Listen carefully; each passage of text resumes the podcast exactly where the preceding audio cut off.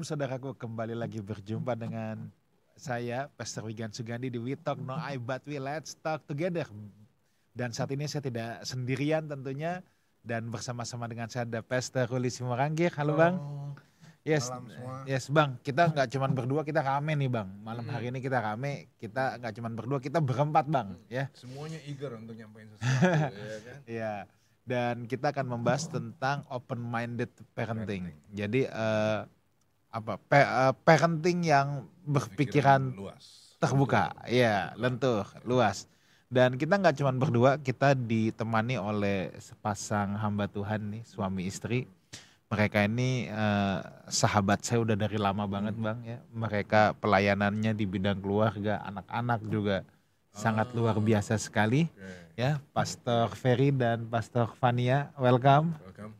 Thank you so much. Selamat Ya. malam, thank you Pastor Wigan dan Bang Sudah Ruli. menyempatkan dulu kita udah pernah ngobrol-ngobrol. Pastor Ferry dan Pastor Fania. Dulu juga seputar parenting deh, seingat saya ya. Iya kan ya? Iya, oke. Ya, anggaplah ini jilid duanya dan pasti akan sangat seru sekali ya. Ob- eh, obrolan dari Pastor Ferry dan Pastor Fania, saya selalu banyak belajar saudara ya dari setiap narasumber yang hadir. Jadi sebelum kita mulai, saya ingin menyapa dulu setiap saudara yang menyaksikan acara ini secara live lewat YouTube Live House Community maupun yang menyaksikan secara tunda dari MNC Live Channel. Saya ucapkan selamat bergabung, buka hati saudara. Saya percaya saudara akan diberkati Tuhan uh, dengan banyak pemahaman-pemahaman, dengan banyak insight-insight dan seperti tema kita ya, open minded parenting. Jadi kalau saudara punya pertanyaan-pertanyaan khususnya tentang parenting, saudara bisa WhatsApp di nomor yang ada di layar kaca saudara ya. Saudara bisa WhatsApp di nomor yang ada di layar kaca saudara. Oke, Bang, ini tanpa panjang lebar lagi, saya mau sedikit buka dulu, entar saya lempar ke Abang. Eh, saudara tidak dapat dipungkiri bahwa generation gap atau gap antar generasi itu satu hal yang nyata ya.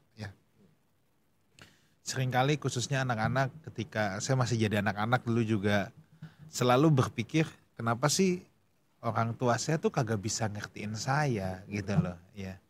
Kayaknya kok mereka kuno banget, mereka kok tidak bisa ngertiin saya. Nah, rupanya itu bukan hanya dialami oleh eh, anak-anak saja at- atau di zaman dulu saja. Rupanya zaman ke zaman juga eh, apa namanya mengalami hal yang sama. Satu sisi anaknya merasa, aduh, eh, bapak mak gue udah gak nyambung nih sama gue, gitu. Tet- Tetapi di sisi yang lain orang tua juga bingung memahami anaknya. Jadi anaknya berpikir papa mama bener-bener gak bisa ngertiin aku deh. Orang tuanya juga berpikir anak zaman sekarang gila ya. Nah kan gitu ya. Anak-anak zaman sekarang aneh-aneh ya. Dulu pas kita masih kecil tidak begini kayaknya. Ya iyalah beda lah, beda tontonan, beda teknologi ya. Eh, dalam segala hal beda ya. Nah itulah sebabnya sering kali terjadi generation gap di sini. Dan itu yang kita mau bahas, kita mau tanya-tanya banyak hal untuk mengatasi hal tersebut. Gimana sih eh, parenting yang yang yang open minded ya, yang berwawasan luas. Bagaimanapun saudara ya, sebagai namanya juga parents, orang tua, orang yang lebih tua. Orang yang lebih tua itu akan lebih mudah memahami ke bawah daripada suruh yang bawah memahami ke atas. Di mana-mana begitu pasti ya. Pastilah, pasti. Dari atas turun ke bawah itu akan lebih mudah daripada suruh bawah yang naik memahami yang di atas ya. Ketika Kristus mau menyelamatkan manusia juga Tuhan turun jadi manusia bukan bukan suruh manusia yang jadi Tuhan. Karena it won't work, itu tidak akan bisa. Nah, saya berharap lewat perbincangan pada malam hari ini kita punya wawasan yang lebih luas tentang menjadi orang tua. Parenting zaman now tuh kayak apa sih? Nah, gitu. Gimana bang? Untuk saya, ini bawa banyak kenangan. Kenangan waktu saya masih kecil misalnya. Di mana waktu itu saya tuh cukup pemberontak sih. Sampai rada tuaan. Pemberontak banget, Van. Parah. Gak Terus-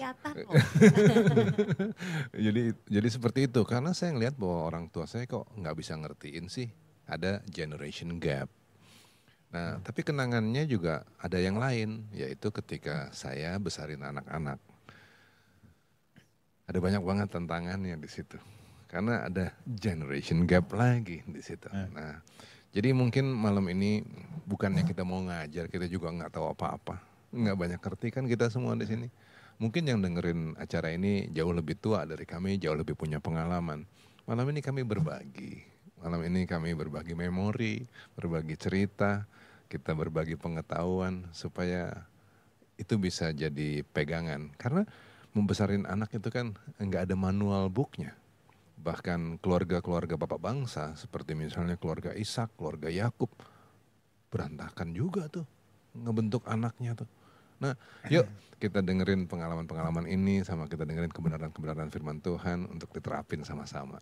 Yes, nah jadi eh, saya mau ingatkan lagi kalau saudara punya pertanyaan seputar parenting ya tentang open minded parenting atau mungkin saudara eh, punya kesulitan, aduh ini gimana sih komunikasi sama anak saya kok kayak susah banget apa Hmm. gitu ya. Nah, saudara bisa bertanya langsung ke nomor WhatsApp yang ada di layar kaca saudara ya. Jangan bertanya ke YouTube, jangan eh, telepon kami, tapi saudara langsung WhatsApp di nomor yang ada di layar Hmm. kaca saudara. Saya mau mulai dari Pastor Ferry dulu atau dari Pastor Fania dulu nih? Siapa duluan yang mau mengungkapkan sesuatu tentang open minded parenting ini? Sebagai kepala keluarga mungkin Pastor Ferry Felani. Oke deh. Oke. Hmm, pada dasarnya setiap orang tua eh, secara refleks sadar nggak sadar kita berusaha mendidik anak-anak kita dengan pola bagaimana kita dibesarkan. Oh, Sadar nggak sadar. iya. Te- Kalau kita dididik dengan keras, sadar nggak sadar kita melakukan hal yang sama ke anak kita. Karena itu adalah apa yang kita tahu. Tapi ternyata kita setiap kita tuh perlu koreksi terhadap pola yang pernah kita terima dari orang tua kita meskipun mungkin hasilnya bagus juga hari ini kita jadi orang yang berhasil begitu. Ya, tentunya karena setiap generasi berbeda, berbeda tantangannya, berbeda karakteristiknya, berbeda minat kesukaannya, dan itu juga yang kita alami seperti orang tua lain ya. Kita keluarga hamba Tuhan tidak luput dari eh, kebingungan-kebingungan ketika eh, kami berdua masing-masing mendidik anak Iya. dengan pola bagaimana kami masing-masing dididik dan itu juga memicu konflik di antara suami istri. Si meskipun kita sudah belajar di premarital counseling. Karena apa yang dipelajari di teori ketika nyemplung beda ya gitu. Rasanya beda gitu dan di situlah kayak eh, parenting juga part dari mendewasakan kita. Eh, judul ini menarik open minded parenting karena ketika kami, kami berpikiran tertutup konflik itu kayak nggak ada ujungnya. Ini belum ngomongin hasilnya ke anak, tapi sepakatnya kami suami istri aja udah repot nih. Kami harus mulai membuka diri bahwa mungkin eh, meskipun gini, meskipun Allah yang sama yang kita sembah, Iya. Allah yang sama yang firmannya kita pelajari, eh, cara yang diterima oleh Vania sebagai istri berhasil membentuk dia menjadi seperti ini, yang cara yang diterapkan orang tuanya, cara orang tua saya membuat saya seperti ini. Tapi ternyata ada ada cara-cara lain gitu. Bicara soal cara ternyata ada banyak cara alternatif yang kita perlu pelajari dalam parenting untuk menjawab kebutuhan anak anak ini dengan karakteristiknya ya dengan personality dia yang unik, sifatnya unik di zamannya juga gitu. Yang berbeda jauh dari zaman kita. Zamannya Adriel anak saya yang umur 9 tahun kan udah native digital katanya ya gitu. Hmm. Dunia gadget, dunia eh, dunia gadget tuh rentan juga dengan cepat bosan. Hmm. Terus eh, kita sadar betul dari dia kecil nam- namanya anak kalau langsung dikasih gadget itu solusi buat segala hal. Dia nggak ganggu, dia nggak rewel, dia nggak apa gitu. Tapi kita juga mengerti, mencoba mempelajari resikonya dan di situ kami juga harus eh, apa ya terus belajar bagaimana kita menjadi fleksibel untuk menemukan metode atau cara terbaik untuk membesarkan Adriel dengan goal yang tepat. Goalnya bukan hanya jadi anak baik, tapi menjadi anak yang mengenal Allah, anak laki-laki yang saleh, yang seperti Kristus yang akan menggenapi rencana Allah. Dan open minded eh, itu benar-benar sebuah apa ya PR-nya bukan buat Adriel tapi buat kita gitu ya Oke. orang tuanya dan mungkin sebelum saya oper ke istri saya ada satu kutipan quotes yang saya pernah dengar begini pikiran itu kayak parasut katanya Hmm. dia baru berguna untuk menyelamatkan kalau dia dibuka Hmm. sama ternyata untuk menolong kami menjadi orang tua kalau kita nggak buka pikiran kita tuh kayak parasut terjun payung parasutnya nggak dibuka itu Hmm. malah membahayakan pernikahan kami membahayakan parenting kami jadi open minded parenting adalah sebuah tantangan besar buat kami orang tua untuk bisa menjawab tantangan an- eh, tadi membesarkan anak mendidik anak terutama di jalannya Tuhan saya oper ke istri saya Langsung nih ya Pastor Iya, Bidan ya. langsung Oke. gas. Kalau buat saya sendiri menambahkan apa yang tadi sudah disampaikan oleh suami saya, Pastor Ferry Velani. Jadi kalau bicara soal open mind- minded parenting, itu berbicara tentang pola pengasuhan anak dengan pikiran yang terbuka. Dan Oke. ini tidak bisa dilakukan ketika orang tua berhenti belajar. Nah ini PR-nya nih. Orang tua tidak boleh berhenti belajar dan punya hati yang terbuka, kerendahan hati untuk memahami generasi yang ada. Gitu ya. Kadang-kadang tadi yang disebutkan betul sekali ketika kita dibesarkan dengan pola asuh tertentu dan itu udah bertahun-tahun dan kita cuman punya satu hal yang kita tahu dan kita percaya ini paling baik. Contohnya, ini sangat sederhana, simple tapi mungkin terjadi dalam kegiatan kita sehari-hari ya.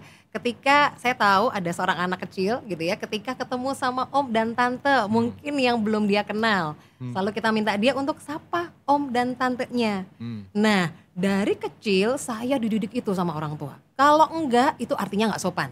Oke. Jadi harus kamu menyapa orang lain, datang dulu, ada om tante, salam dulu dan segala macam.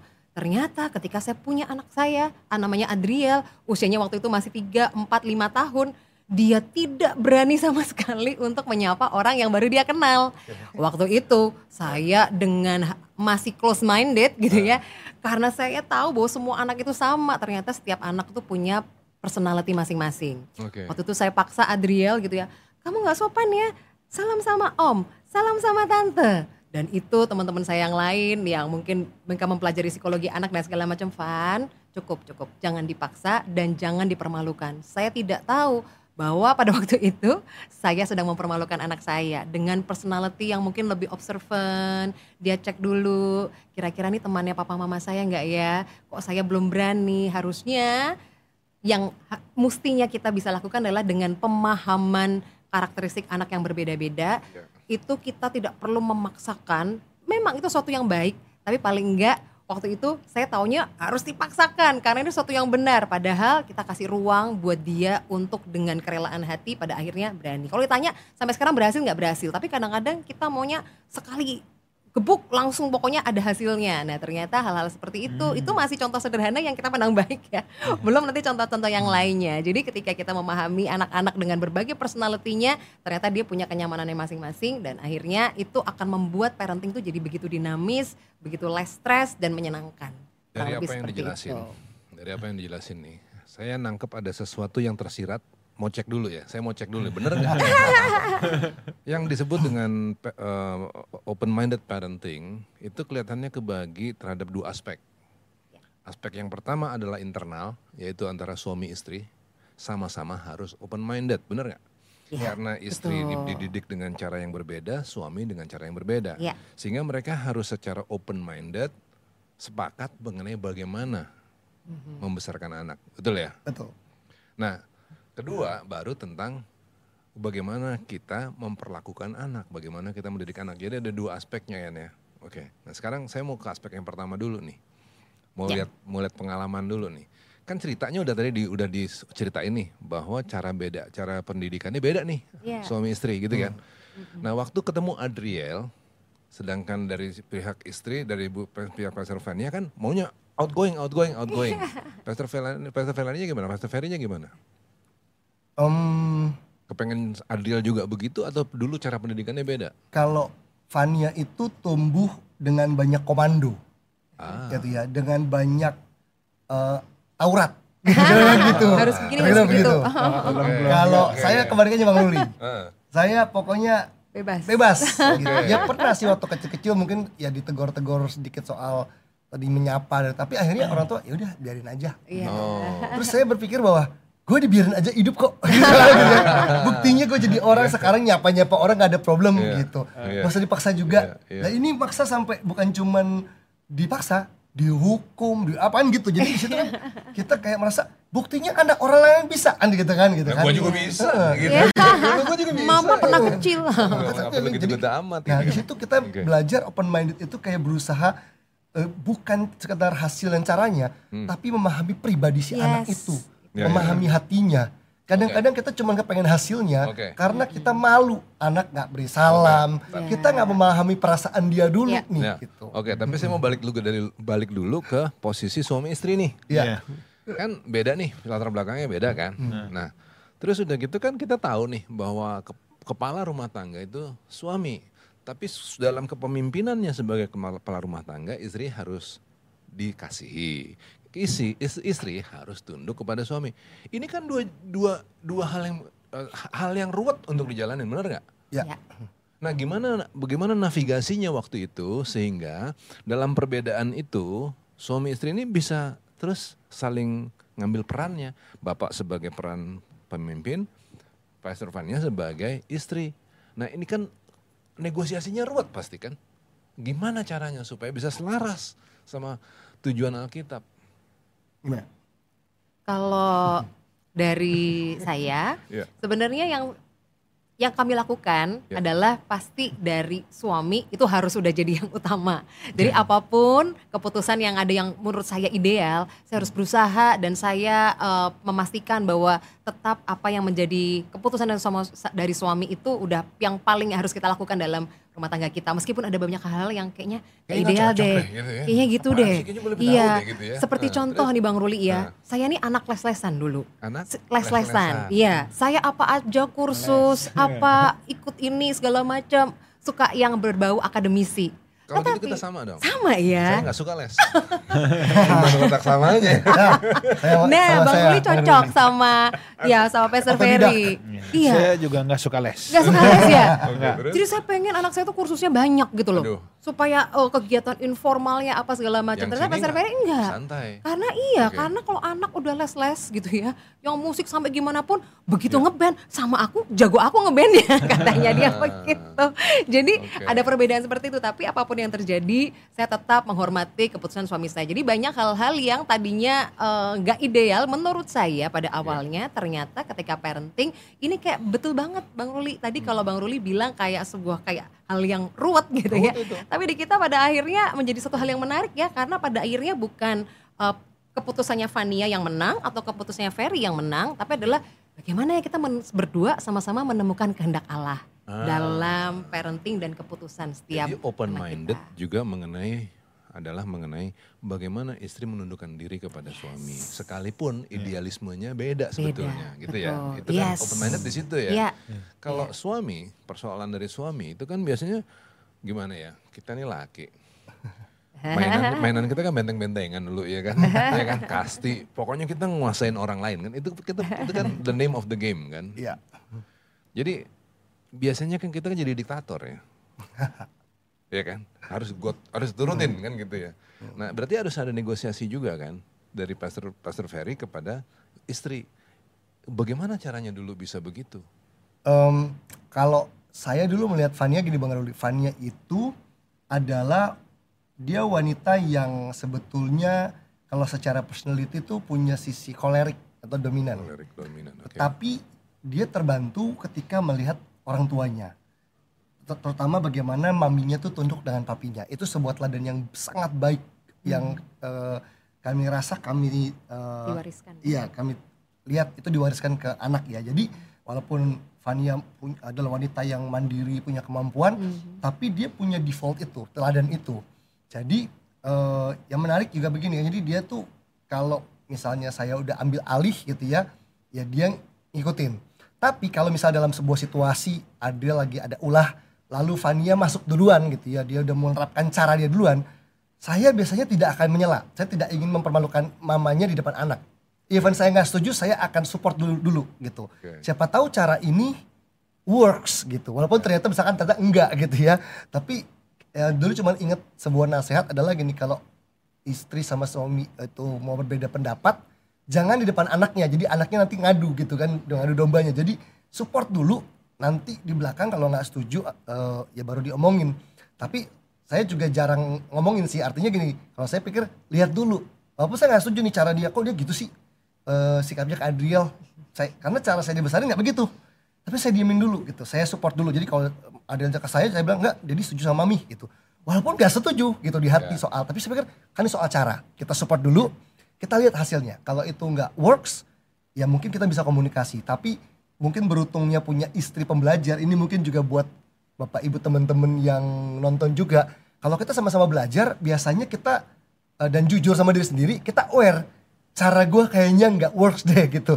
Cara gue hasilnya nih kurang oke gitu. Karena waktu kita mul- awal-awal Adriel itu masih kecil Fania ini sangat sering baca buku dan mengikuti pelatihan-pelatihan parenting. Jadi sumber-sumber pembelajaran dia cukup banyak. Jadi ketika satu nggak berhasil ternyata ada masukan-masukan dari yang lain dan juga punya semacam mentor kali ya. Mentor apa orang-orang yang lebih senior dari kita yang sudah lebih dulu eh, menjalani eh, bukan cuma parenting tapi homeschooling bahkan gitu. Yang kita minta pendapatnya sebagai alternatif. Dan saat itu dia akan komunikasi dengan saya sayang ini dapat masukan dari ini begini begini begini. Dan di situ tugas suami bukan hanya sekedar tadi memimpin menggunakan saya mau pakai cara ini. Tapi ada kalanya kita pemimpin perlu apa eh, suami itu perlu buang egonya untuk oke saya support cara kamu gitu kita sama-sama kompak itu kan perlu kerendahan hati ya kadang-kadang kalau saya maunya tadi cara cara gimana saya dibesarin aja gitu tapi ini ini namanya ini, belajar ini, ya Ini, tau gak sih? Gue dapet sesuatu yang keren banget. Gimana? Gini gini gini gini gini. Ini ini ini, ini, ini luar biasa deh. kalau dia cepat Kalau dari- tuh bang Ruli Kalau dari, kalau dari pihak suami ya, yang disebut dengan open minded adalah berusaha untuk memahami latar belakang istri. Iya. Supaya ketika dipahami latar belakangnya, cara pendidikannya, kepribadiannya, apa yang istri suka dan lain-lain, yang timbul adalah compassion. Hmm. Memang suami harus suami harus memimpin, tapi pem- kepemimpinan itu kan harus dengan compassion, dengan rasa iba. Iya. Kalau nggak ada compassion, yang ada penjajahan, Hmm. betul nggak? Nah, jadi itu loh yang disebut dengan open minded di antara suami istri. Nah kemudian itu juga dengan mau belajar siapa istrinya, mau mengakui bahwa istrinya punya pengalaman, punya pengetahuan yang mungkin lebih dan lain-lain. Mau support cara Mau yang support, baru itu juga open minded. itu open minded semua. Jadi dengan adanya itu, dengan dengan dengan terus mempelajari, dengan terus eh, mempelajari istri, dengan terus memahami istri dan lain-lain, itu yang disebut dengan belajar, belajar dan tidak berhenti belajar untuk hubungan suami istri ini berdua ini luar biasa. Tekniknya luar biasa. iya. Berapa lama sih pacarannya dulu? empat tahun bang Wow, oh, keren inilah. empat tahun doang Oke. Wow, ya ya ya, ya. hebat. Saya mau kembali tadi yang eh, Pastor Fania bilang tentang memahami anak ya. Ya. Eh, tadi diambil contoh tentang menyapa, memahami kepribadian anak. Nah, Mm. jadi saya boleh kembali ke situ. Ketika sebagai orang tua bingung, kayak disconnect dengan anak ini, kok anaknya gue kok begini ya, Iya. gitu. Nah, rupanya tadi yang eh, Pastor Fania tempuh adalah mencoba memahami anak. Nah, bisa nggak kasih tips-tips praktisnya untuk eh, semua pemirsa atau teman-teman yang sedang menyaksikan acara ini ya? Gimana sih untuk bisa mahamin anak kita? Kadang-kadang orang tua tuh bukannya nggak mau memahami anaknya loh, bingung dia. Bingung ya. Heeh, bingung caranya gimana, mesti mulai dari mana gitu Iya. loh. Bukannya nggak mau paham, bingung. Iya, iya. Heeh, kalau yang dia tuh cuman kagak ngerti gue sama anak gue gitu. Oke, yang pertama adalah belajar itu pasti ya, Iya. eh, Pastor Wigan. Nah belajar ini kan spektrumnya banyak banget. Belajar ini bisa dari buku-buku yang kita pelajari, juga berbagai pelatihan-pelatihan yang kita juga ikuti. Selain itu juga kita memperhatikan. Nah ini nih, mami-mami kalau udah nongkrong gitu ya, eh, kita jangan sampai cuman ngomongin oh, keluhan-keluhan aja. Tapi paling nggak memperhatikan, oh ternyata cara dia lebih baik ya. Kenapa kita tidak belajar dari cara teman kita eh, melakukan parenting terhadap anaknya? Oh pendekatan seperti itu ya saya lihat teman saya duduk sejajar dengan mata sama anaknya dia tanya, kenapa? Kamu takut? Oh sepertinya cara itu yang belum pernah saya lakukan. Nah gitu ya, jadi belajar tidak hanya dari buku, pelatihan, tapi juga mengamati sekitar. Karena kalau kita mau dengan kerendahan hati untuk segala sesuatu itu kita curious gitu ya. Kita akan jadi orang yang akan belajar di mana pun, kapan pun, apa saja. Kita akan terla, apa ya, terlalu banyak ilmu yang kita bisa dapatkan. Nah itu berguna Hmm. banget buat kita nanti akan parenting ke anak. Yang pertama orang tuanya harus belajar. Yang kedua orang tuanya harus memiliki uh, kemampuan active listener. Ini perlu latihan, Pastor Wigan, Bang Active Ruli. listener gimana active tuh? listener. Jadi ketika saya lihat Adriel, Adriel apa yang di apa yang Adriel rasa gitu ya. Kalimat-kalimat seperti pertanyaan-pertanyaan dan Oke. itu ternyata bisa dipelajari Pastor Wigan di Hmm. usia-usia tertentu. Mungkin ada anak yang masih usianya 3 4 tahun mungkin belum tahu hal yang abstrak. Rasanya apa ya? Nah, di situ kita ajar anak bagaimana menamai emosi. Nah, kurang lebih Oke. seperti itu. Oke. Menamai Aku emosi. takut, iya. Hmm. Mereka harus belajar apa yang namanya takut, bingung mungkin ya. Ternyata dia nggak takut. Aku cuman bingung siapa dan aku nyapanya harus gimana. Jangan-jangan anak saya Oh. nggak mau nyapa bukan karena nggak sopan, dia cuman bingung gitu ya. Oke. Atau takut mungkin Oke. takut karena Oke. asing. Nah ini kan Iya. spektrum spektrum Bis- emosional. Iya, bisa ada banyak alasan Iya. kenapa dia tidak apa mau nyapa. Betul Iya, sekali. Padahal s- orang tua sering punya anggapan sendiri. Assumption ya. Yes. Asumsi, asumsinya. Yes. Kamu kok gitu sih? Gitu kan. Iya, iya. Sesederhana itu. Kamu kok gitu sih? Gitu. Iya, belum Kita lagi- nggak dengar kenapa dia Iya. begitu. Gitu. Oke, oke. Betul. Terus, terus, Belum lagi ditambah-tambahin sama mamanya. Mama minta kamu, kamu nggak dengerin mama gitu ya. Oh iya. kamu gak obe sama mama kadang- kadang-kadang kayak Oke. gitu ya padahal dengan kita menjadi active listener kita tanya apa yang kamu rasa Mm-mm. oh takut seharusnya bagaimana nah kita Hmm. ajak anak untuk berdiskusi berdialog dan itu membuat anak-anak jadi nah itu open minded dimulai dari situ nih sebenarnya bang Ruli Ya. ketika orang tua mulai bertanya dan Ya. anak juga dia jadi kayak didengar ya Iya. Hmm. alasan-alasannya, perasaan-perasaannya terungkap gitu ya. Hmm. Jadi kayak dia akan jadi orang yang akan pribadi yang lebih open minded tentunya Oke, iya. dengan Sekarang pendidikan yang bikin seperti kasus. itu. Saya bikin kasus nih, saya bikin kasus. Kasus ini, Wah, tahu ya. Pak pengacara bikin kasus. Luar biasa. kasus. Anak kecil, anak kecil umur 2 ya kita dalam rangka open minded nih. Anak kecil umur 2 dikasih makan sayur, dia nggak mau.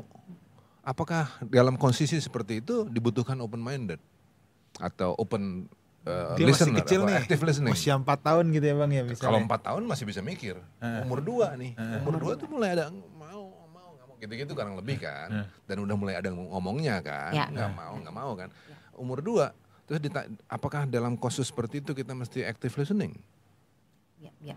Kalau dalam kasus-kasus tertentu, kita tentu memiliki yang mana yang harus dilakukan, Ah. mana yang prinsip, Iya. mana yang sifatnya opsional. Ah, Warna biru atau yang warna merah? Kenapa pilih warna merah, Dek? Gitu ya. Iya. Kita tanya dan segala macam. Tapi kalau misalkan hal-hal yang menurut kita prinsip, hal-hal yang seperti kalau misalkan saya apa pun yang terjadi make it happen untuk dia ada di sekolah minggu misalkan Ya. seperti itu. Pasti tapi tetap saya tanya, misalkan kalau dalam kondisi dia tidak mau sekolah minggu misalkan. Ya. Ada. Jadi kita sampai bingung ya. Hah, dia anak pester tapi gak mau sekolah minggu. Ya. Kita pernah mengalami masa-masa itu kita tanya, Ya. apa yang membuat kamu nggak nyaman? Ya. Nah, tetap eh, open question seperti itu kita lakukan, tetapi kita akan tetap ajak anak itu untuk tidak kayak seolah-olah tidak ada opsi lain selain yuk mama temanin kamu ini ya. penting. Jadi bukannya Bener. tidak apa tidak datang sekolah minggu tuh boleh tidak, tapi yuk kali ini kamu sekolah minggu tapi opsinya ditemani sama mama. Asik. Nah, tetap Ini, gitu. ini, Makan ini- sayur ini juga saya tanya sama. tahu nggak kenapa? Karena banyak orang tua. Ini, ini gini, jawaban Fania tadi asik banget. Em, jawabannya begini, harus dipertimbangin kasus per kasus, anak per anak juga harus dipertimbangin. Anak-anak bisa beda-beda nih kebut- kebutuhannya. Nah, dibedain juga antara urgensinya. ya Kalau beda warna, i- kamu melah, mau pilih merah atau biru, itu kan nggak terlalu urgent. Tapi kalau nggak mau masak, nggak mau makan sayur, nanti sampai tua dia nggak mau makan sayur, kan Iya, buat urusannya kan. betul. Nah, jadi banyak banget pertimbangan-pertimbangan. Padahal banyak orang tua yang gini, anakku nggak suka sayur. Ya udah. Anak lu umur berapa bro? Dua tahun. Kenapa lu masih dengerin dia? umur dua, umur dua lu dengerin dia. Yes. Ya kan? Nah, Iya, iya, kan- iya, iya, kan iya, iya. Tumbuh jadi anak yang nggak suka sayur, nanti suatu hari problem. Yes. Jadi jangan begitu, active listening boleh, Iya, tapi iya, bukan iya. dalam hal-hal yang krusial. Iya betul dan dia belum ada di tahap untuk mengambil keputusan ya Bang Ruli ya. dari kecil nggak suka sekolah minggu bro, dari umur tiga. Ya, ya oke. Jadi kedua kita listening. Kedua, berikutnya. Iya iya iya iya. Ya sebenarnya dua itu aja sih Bang Iya, Ruli. Bang. Jadi dalam hal ini saya ambilkan kesimpulan bahwa harus tahu antara eh, satu sisi perlu memahami perasaan anak, Dengerin perasaan Iya. anaknya. tetapi juga ada hal-hal di mana ketika anak itu kita rasa belum bisa membuat pilihan, kita yang harus membuatkan pilihan You're the leader. untuk Ya. dia. kan? Iya. Ya.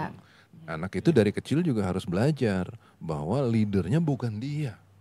Tuh. Dia harus tahu Ya. posisi rumah tuh bapak, ibu, anak. Bapak sama ibu tuh selalu kompak. Anak nggak boleh di tengah-tengah. Itu dia harus tahu posisi itu. Kalau Iya. itu dia nggak tahu, bapak jadi jadi akhirnya anak, bapak, ibu wah rusak. rusak. Itu tatanan-tatanan seperti itu mereka harus tahu. Nah. Van Yes. sama Pastor Ferry ya. Saya suka lihat nih Hmm. gini gini gini. Di gereja dulu deh. Di gereja dulu. Ketika kita khotbah kita kan harus menyampaikan kabar baik. Ya. artinya positive note. Kita kan nggak pernah di gereja atau kita tinggalin jemaat dengan perasaan berdarah-darah perasaan dia nggak berguna. Kan nggak pernah kan? Iya. tapi Pastor Ferry sama Fanny lihat nggak sih dalam pendidikan anak? Sering banget anak-anak itu dididik dengan rasa takut. Hmm. gua tinggalin nih, bapak tinggalin nih. Nggak nurut bapak tinggalin nih. Taruh di ruang gelap nih. How do you feel about it? What do you think? Rasa takut adalah cara tercepat untuk mendapatkan hasil. Iya, Tapi bukan cara terbaik untuk didik anak. tidak benar. bukan cara terbaik ya.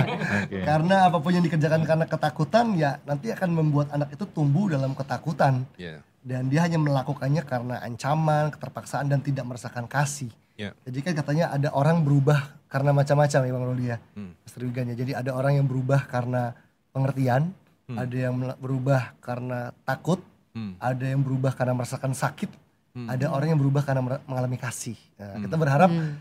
anak kita berubah karena penger- peroleh pengertian dan karena mengalami kasih sih gitu. Jadi ketakutan itu tidak kita jadikan alat utama walaupun eh, sesekali ketakutan itu kita bisa gunakan dalam porsi yang tepat Yes. eh, untuk eh, bukan untuk mengancam atau merusak tapi untuk ya tadi eh, kalau kita bilang ya di, eh, tentang menghajar itu ya Yes. mendisiplin Yes. supaya dia eh, tahu Ya. bahwa ini serius Yes. anak-anak yang lebih kecil kita bahkan waktu Adil masih kecil kita menerapkan speng gitu ya speng di pantat Ya, gitu ya di oke. kita pukul karena dia belum ngerti bahasa gitu kan umur setahun jadi kalau kita ngomong macam-macam dia penangkapannya terbatas tapi dengan kita berikan rasa sakit di pantatnya dia tahu ini serius gitu. Dia belajar belajar ngerti. Begitu dia udah paham kita udah nggak pernah pakai lagi. Gitu. Itu lupa umur 3 4 itu udah kita udah nggak pernah speng sama sekali. Karena dia sudah mulai paham kalimatnya kita gitu. Tapi yang paling penting adalah landasi parenting kita dia dalam kasih dan kebenaran eh, kasih dan pengertian kebenaran. Dengan eh, menghindari menggunakan ancaman sebagai solusi cepat gitu ya Hmm. karena ingin lihat cepat hasil diancam langsung dia berubah Ya, tapi kan dia langsung. Iya, tapi tidak dengan willing heart kan. Yes. Takutnya dia rebel in heart, Iya. rebel di dalam begitu. Iya. Itu yang kita khawatirkan ya kalau kita pakai cara yang Iya.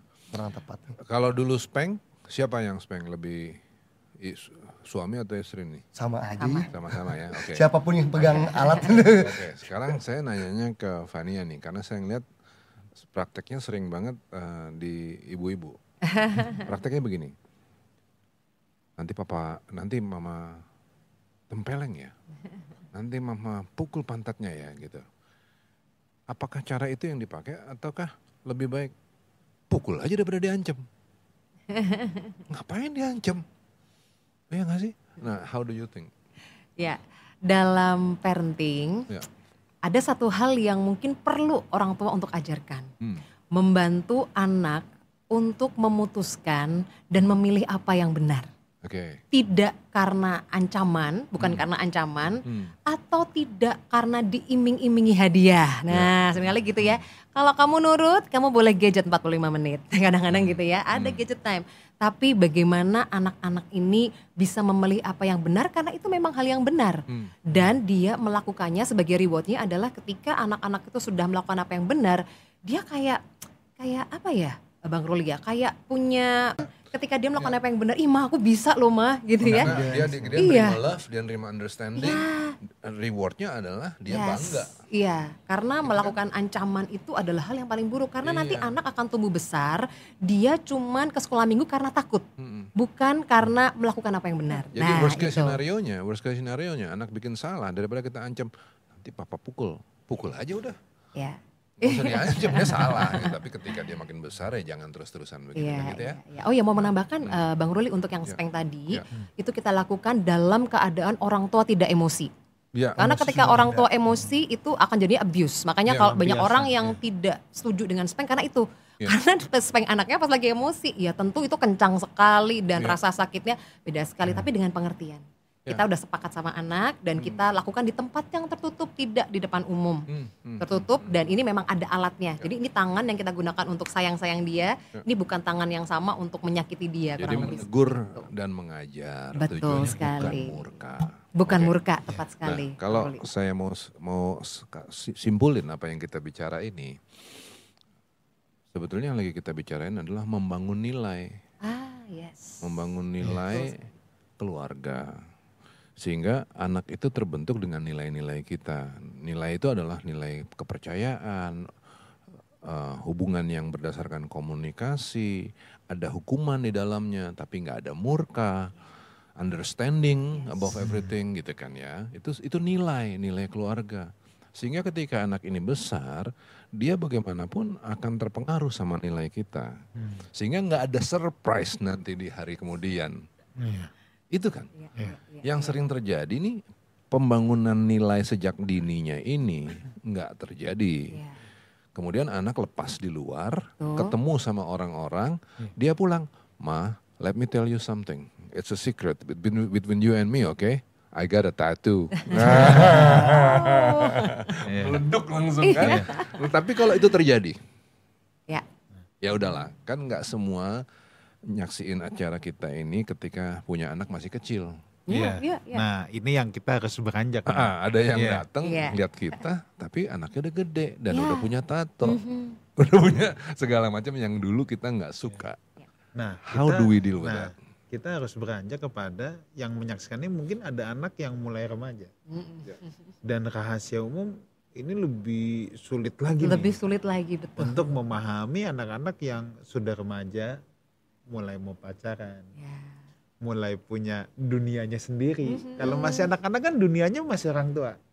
Tapi begitu beranjak ke teenagers, mereka udah punya dunia sendiri, punya pertemanan sendiri, mulai nggak mau pergi sama orang tua, maunya Iya. sama teman-temannya, mulai ada yang mulai nggak mau dipeluk, ya kan? Nah itu gimana itu sebagai orang tua untuk menyikapi hal-hal seperti ini?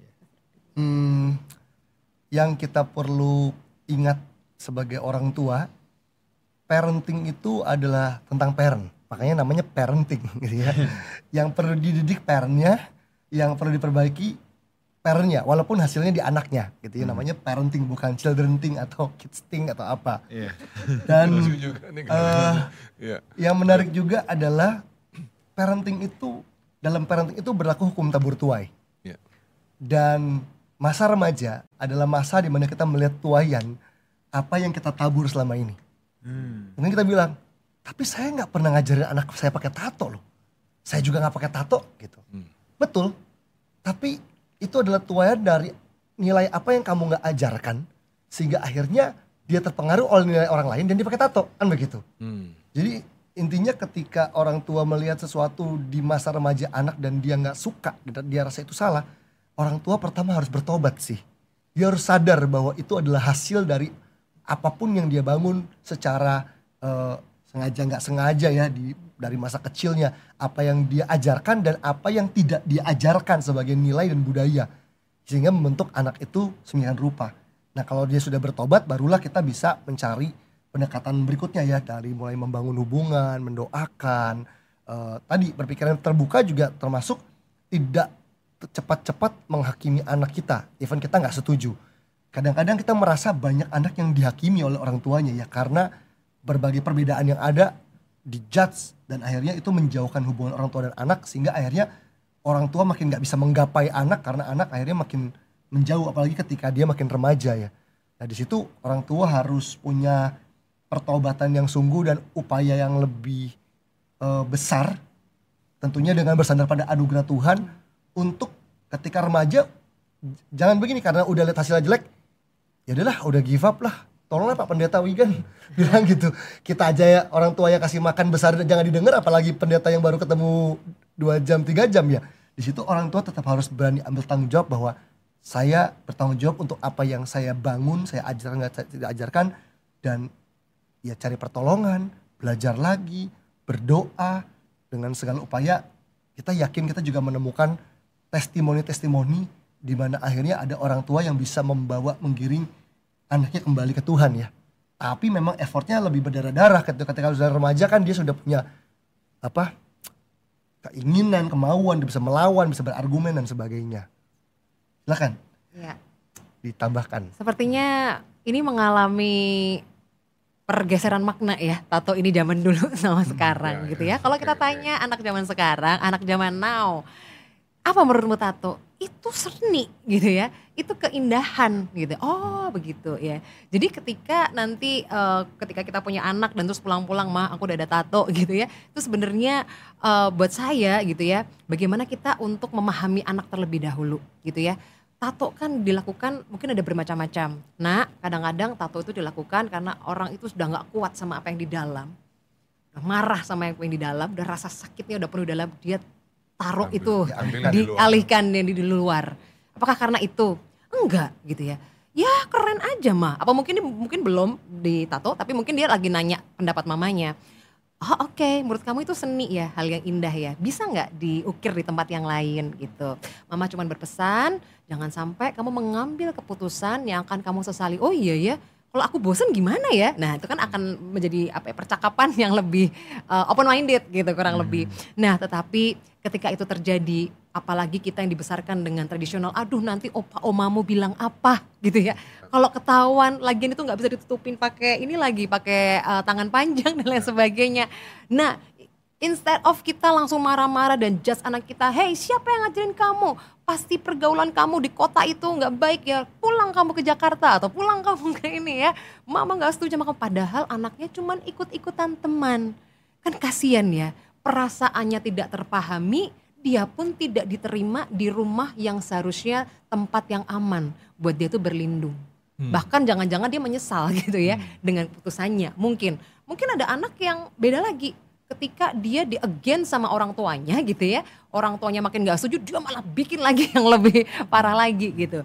Nah, memang ada kesalahan-kesalahan yang mungkin kita bisa perbaiki gitu ya kalau anaknya sudah besar tapi mungkin itu butuh waktu yang lama. Tapi bagaimanakah kalau ini sudah terjadi? Nilai apakah yang lebih tinggi dari itu? Apakah kita mau membangun jembatan dan memahami anak kita atau enggak? Enggak apa-apa kita ngebuang dia gitu ya. Yang penting kita harus menegakkan apa yang sudah jadi prinsip dalam kehidupan rumah ini gitu ya. Tidak boleh ada sesuatu yang di luar eh, normal eh, ya normal keluarga kita gitu ya. Padahal anaknya cuma memahaminya ini kayak cuman seni dan ikut-ikutan teman aja gitu ya. Mungkin seperti itu. Nah, itu eh, orang tua pada saat itu memang harus punya pikiran yang terbuka. Nilai-nilai apa yang perlu untuk dia embrace gitu ya. Apakah nilai pokoknya kebenaran adalah nomor satu dan kebenaran kan berbeda ya kebenaran yang seperti apa gitu. Pada saat itu bagaimana kalau kita lebih dekat sama anak kita untuk kita membangun jembatan bersama dengan anak kita. Nah sekarang Tapi nanti dulu Iya, kita masih iya, bikin disclaimer gimana? dulu. Heeh. Acara ini bukan bukannya kita mendukung tato ya. Iya, itu Acara ini dia. Cuma contoh ya buat. Contoh. buat, buat kita, kita akan tetap ber, ber, menyampaikan bahwa kita nggak setuju. Ya. Tapi kita lagi bicara apabila sudah terlanjur, Iya. bagaimana menyikapinya itu Betul. ya. Iya, Itu iya, iya, iya. ya. Betul, betul, betul. Nah, Bang, masalah gini, Bang. Ini ada banyak sekali ya yang namanya zaman kan berubah. Hmm. Ya, zaman berubah itu hal yang tidak bisa kita tolak. Hmm. Ya. Itu tuh tato baru salah satu contoh. Salah satu. Nanti banyak contoh yang lain-lain lagi, Hmm. Bang. Ya. Eh, di mana yang zaman dulu dianggap tabu, zaman sekarang ya orang sudah menganggap itu hal yang normal. Ya. Asli, iya. Ya, contoh, ini bukan soal satu doang. Misalnya kenalan dari dating apps. Hmm. Ini kan contoh ya. Dulu, kalau zaman dulu kan tuh, ih, apa sih? banget loh. Heeh. Itu tuh kayaknya udah orang-orang yang udah bener-bener putus asa, putus harapan. Tapi kalau zaman sekarang loh, saya tuh ketemu pasangan-pasangan yang ketemu dari dating apps loh. And they are fine gitu. Nah, ketika orang tua, lu gila ya cari jodoh dari tempat gituan. Satu sisi anaknya, mama kolot deh. Eh, Mama zaman kuda gigit besi sih. nah, gitu kan. Ya. Nah, memang memang eh, zaman itu pasti berubah. Iya. Sosmed aja berubah kok. Saya tuh sadar ya, gini. Saya nggak ada appetite sama Facebook. Pusing aku kalau ngeliat Facebook. Lihat TikTok juga pusing. Tapi anak-anak Gen Z, IG itu sosial media bapak mak gua, Facebook opa oma gua. Loh, iya kan? iya kan? Nah, jadi bagaimana sih sebagai parents itu di satu sisi Ya. kita bisa tahu perubahan zaman, Ya. tapi satu sisi yang lain tentunya kita tidak kompromi. Tentunya Ya. kita tidak bisa memaksakan eh, anak-anak kita untuk eh, semuanya se- eh, sesuai di Ya. zaman kita. Ya, ya, ya. Dia punya zamannya TikTok. Ya. Mi- misalnya dengan TikTok deh gitu ya. Ya, saya juga baca penel- peneliti- penelitian-penelitian yang bilang misalnya ada bahayanya TikTok itu kan cuman per 15 detik ya. Itu melatih anak tidak mau persistence. Mhm. Ya, Maunya cepet ganti. Cepet. Kan dia dalam 15 second berubah. Jadi sudah anak-anak jadi banyak yang terbiasa tidak bisa persisten, tidak mau dengar informasi yang panjang. Ya attention Sehingga span-nya pendek. Yes, Hmm. iya. Itu sudah banyak penelitiannya ya. Hmm. akan hal itu. Nah, tapi di satu sisi itu dunianya mereka. Kita tidak bisa bilang jangan TikTok ya, mesti IG. Ih, gitu, gitu kan. Entah ketemu opanya, jangan Facebook. nah ini gimana nih? Kalau saya mau- jawaban itu saya mau kutip apa yang Pastor Ferry tadi ngomong. Iya. Kalau sampai orang tua Hmm. nggak bisa memahamin dunia anak, pertama-tama bertobatnya sama orang tuanya dulu. Sebab Berarti orang tuanya pada suatu periode ada ada ada hal yang dia nggak ajarkan atau ada hal yang dia tidak mengerti tentang anaknya tuh dari zaman dulu sebetulnya bukan baru terjadi. Jadi introspeksi dulu loh ini itu dulu ya. Kalau kita ngomong-ngomong gini nanti orang tua tuh sukanya begini, yang salah anak gua. Enggak loh, kita mau nyampein yang salah belum tentu anaknya. Parenting tuh namanya parenting tadi. bukan bukan anaking. parenting loh ya. Yang mesti belajar orang tuanya. Jadi jangan jangan cepet-cepet orang tuanya bilang harus begini, harus begitu gitu loh. Iya. Jadi message-nya adalah introspeksi dulu orang tua. Ayo lanjutin. Iya. Mungkin punya masukan nggak Ya, untuk menghadapi situasi-situasi Hmm. seperti ini yang tentunya banyak terjadi. Betul betul Pastor Wigan. Biasanya kan ini dialami anak-anak yang remaja ya, yang gandrung dengan uh, TikTok, dating apps gitu ya.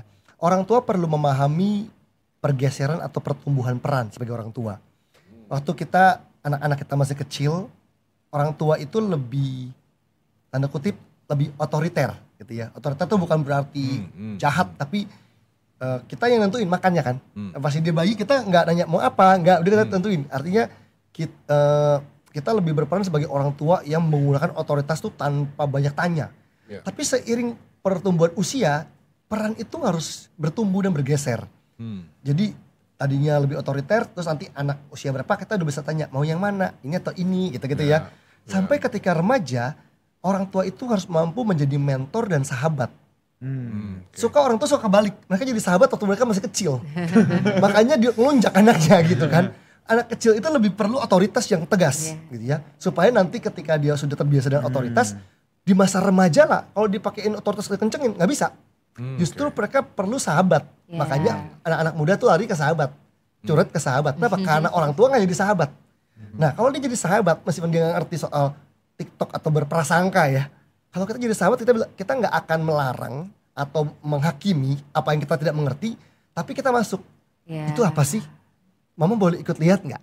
Hmm. Yuk mama bikin akun juga deh gitu. Ya gitu-gitu kan. Jadi kita mendampingi, berjalan bersama sehingga dia terbuka. Paling bahaya kan kalau dia menutup kan. Jadi kita nggak tahu dia nonton apa, dia buat apa, bikin konten apa kan kita nggak tahu. Karena apa?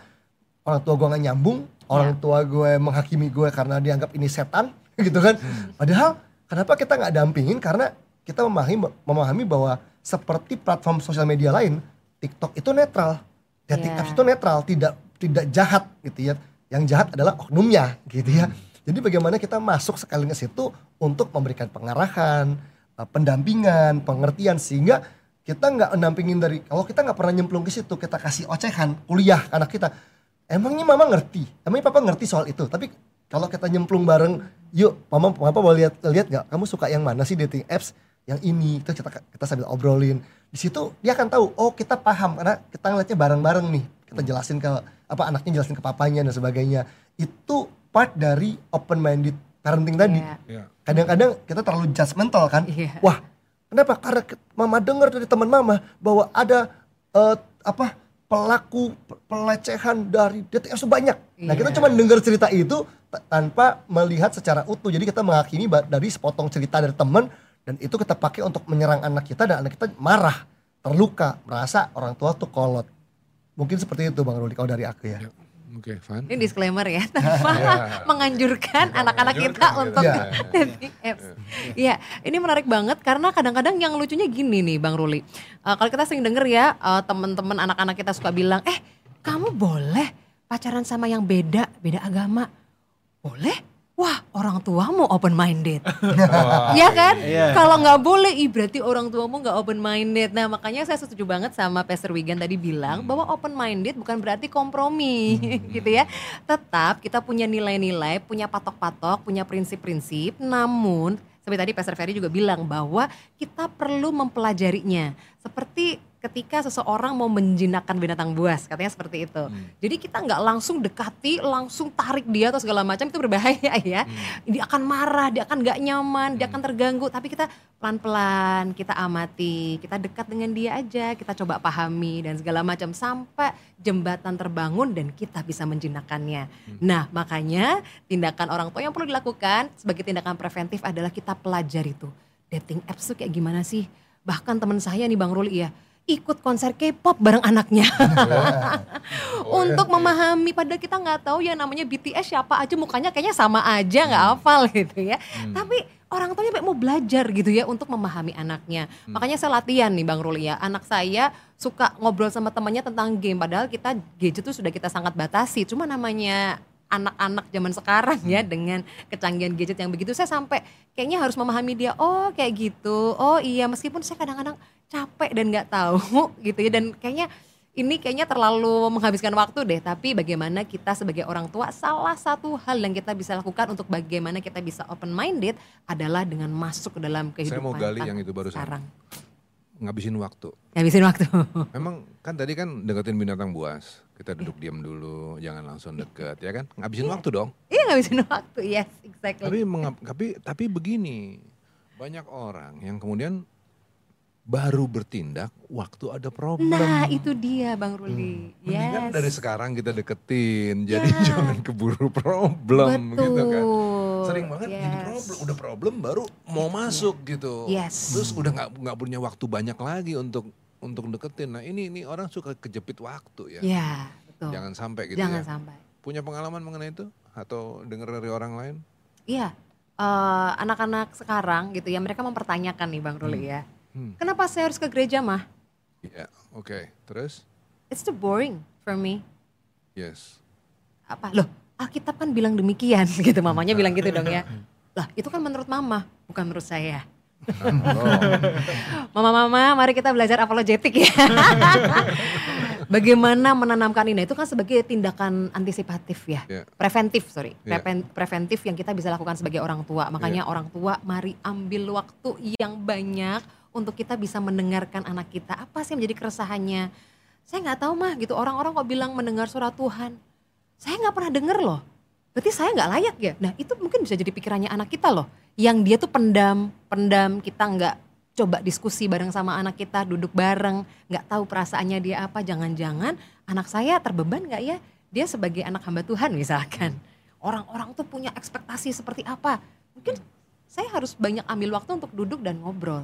Bener-bener nggak Tuhan tuh jadi raja dan jadi apa sumber keselamatannya Adriel atau dia mendompleng dari papanya aja? Ya karena papa saya pendeta mau nggak mau saya harus ikut ini dan itu.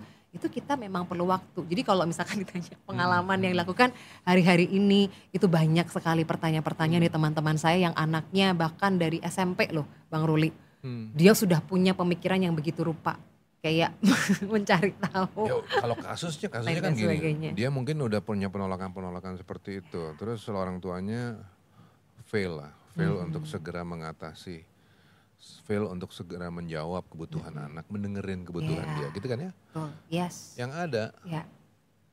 anaknya udah hanyut, tahu-tahu dia ketemu pacar yang ajaib nggak karu-karuan beda agama pula, Iya. Hmm.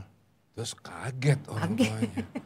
Gimana jangkaunya? Nah ini kan jadi kasus. Iya, iya, jangan iya, iya. jangan nunggu. Begitu ada Yes. sign, sign bahwa ada kegusaran di Iya. pihak dia, ya kita mulai deketin binatang buas itu kan. Yes, ya, ya, ya. Mungkin habis pulang gereja, pulang sekolah minggu, hey, Ya. are you happy? Hmm. Enjoy? Gitu. Mungkin pertanyaan-pertanyaan seperti itu yang membuat anak-anak terbuka. Hmm. Gak ama apa yang membuat kamu gak suka? Nah, itu kan open discussion. gitu. Tapi nanti kita dimarahin sama anak-anak muda karena dia bilang mereka bilang emang gue binatang buas. Nggak bilang begitu ini cuma umpama aja. Perumpamaan, Ah, iya, betul sekali. Kita udah di penghujung acara tapi mungkin ada satu pertanyaan yang paling terakhir. ya. Gimana sih membangun pertemanan dengan anak remaja itu ya? Karena memang isunya itu kan anak remaja sering kali merasa orang tuanya tidak ngerti dia, tidak bisa jadi teman buat dia. Tetapi di satu sisi lain saya sepakat tadi bahwa eh, biarpun kita open minded, kita tetap harus beritahu pemahaman bahwa batasan itu tetap harus dibuat. Hidup ini pasti punya batasan. kok. Ya. Tidak ada yang tanpa batasan kan. Kita beli tanah aja punya batasan. iya loh. Indonesia merdeka aja punya batas Batasan. negara. Kita kan nggak bisa bayangin kan kalau main sepak bola tanpa garis. Iya. Iya, itulah Yes, fakta yes. bahwa hidup ini memang ada batasan. Anak-anak Hmm. juga harus dikasih tahu akan hal itu. Jangan dia pikir open minded itu ya lu mesti bisa mengerti dengan semua kebebasannya. Mhm. Bebas tanpa batasan itu tidak ada kok. Dalam dalam Yes. hidup ini nggak ada. Percayalah tidak ada. Kita naik lift aja ada ada Batasan. capacity. Iya. ya, nah gimana? Eh, banyak orang tua sering berpikir bahwa bermain sama anak itu buang waktu. Iya. Dulu bahkan kita pernah berpikir bahwa bermain sama anak itu bukan kegiatan rohani. Yang namanya rohani itu doa, baca Alkitab. Sampai satu kali saya sadar bahwa bermain sama anak itu part dari kehidupan rohani loh. Karena nggak ada anak yang nggak suka main. Hmm. Kalau kita ingin membangun hubungan sama anak kita, itu nggak bisa tiba-tiba di masa remaja. Itu harus dimulai dari dia kecil dan mulai dengan bermain dengan dia, main mainan yang dia sukai, memahami dunia dia. Kalau enggak, kita terlambat. Akhirnya anak kita akan memberi membuka diri buat pengaruh dari orang yang mau main sama dia, gitu kan? Iya. Kenapa anak-anaknya lebih eh, teman-temannya dia lebih dengar? Karena teman-temannya mau main sama dia. Kita orangnya tuanya nggak mau. Itu satu hal yang menampar sih waktu itu memukul dan sampai akhirnya kalau aku dulu kan Pastor Wigan, Pastor Bang Ruli ya. Hmm. Kalau ada waktu tuh kayaknya maunya baca buku, denger khotbah, apa gitu ya yang yang kegiatan rohani. Main sama udah kamu main-main sendirilah, jangan ajak-ajak Dedi gitu. Sampai satu titik saya terpukul untuk menyadari bahwa bermain ini adalah bagian dari panggilan seorang ayah. Bermain bersama anaknya, ber, ber- permainan yang dia suka. Itu bagian dari apa ya? Proses connect dan nyambung itu di situ. Ya. Cuman dulu kita ngerasa itu sempat pikir kayak ah itu nggak penting. Itu nggak penting buat kamu, itu penting buat dia loh. Hmm. Itu penting banget buat dia. Apa yang penting buat dia harusnya penting buat kamu kalau kamu sayang. Di situlah uh, kita sadar orang tua perlu belajar untuk bermain bersama anak. Ber apa mulailah sedini mungkin. Kalaupun udah terlambat, cobalah di masa remaja cari tahu apa yang dia suka. Bermainlah bersama mereka di permainan yang mereka suka. Bukan memaksakan mereka bermain di permainannya kita orang orang orang Oke, tua. saya rasa ini kata kuncinya. Sebab ada banyak memang spend time sih, tapi lu turutin apa yang gue suka. Ah iya iya. iya. Akhirnya anak Iya. itu tidak merasa fun. Iya, Ya. itu dia. Betul. Jadi ya kalau dari dari sisi lain apa yang Pastor Ferry bilang tadi, gini loh, ibarat nolongin orang yang tenggelam, si orang yang mau nolong ini kan harus pintar berenang. Hmm. Nah, sering kak kalau ngom- udah ngomong tentang remaja, remaja ini mungkin adalah orang yang ke- hampir tenggelam Hmm. dengan dengan kekeliruannya ya nggak. Nah tapi orang tuanya harus perkuat dulu dirinya. Ya. Tadi udah dibilang ada pertobatan dulu, per- eh, di dalam Tuhan lebih kuat segala macam kan. Terus bisa deketin binatang buas, gitu loh itu. Jadi jawabannya harus begitu, nggak nggak mungkin instan. Nggak mungkin kalau orang tenggelam tapi nggak mau basah ya bang. Iya. gitu ya. Gitu, ya kan? Aku ingin nyelamatin dia tapi aku nggak mau basah. Iya. Nggak bisa. Baru baru cuci rambut nih. Ramas ya. Oke, Pastor Ferry, Pastor Fania, thank you so much. Thank you. Untuk Thank you. pembicaraan Thank you. yang seru banget pada malam hari ya. ini. Kita diberkati banget ya Bang ya. Hmm. Saudara, saya percaya setiap saudara pasti diberkati lewat percakapan ini. So, jangan ke mana-mana. Minggu depan jatah kita ngobras Bang, ngobras. Oke, Ngobrol santai Alkitab. Minggu depan kita sudah sampai kitab Yesaya. asik. Dan kita akan ngobrol bareng Ibu Gernaida Krisna. Kalau saudara dengar ngobras yang kemarin ini juga seru banget sama Ibu Ger ya. Jadi saudara jangan ke mana-mana, ikuti ngobras minggu depan bersama Ibu Gernaida. Kita akan membahas kitab Yesaya. Oke, sampai jumpa minggu depan di We Talk No I But We Let's Talk Together. God bless you. God bless you. Selamat malam.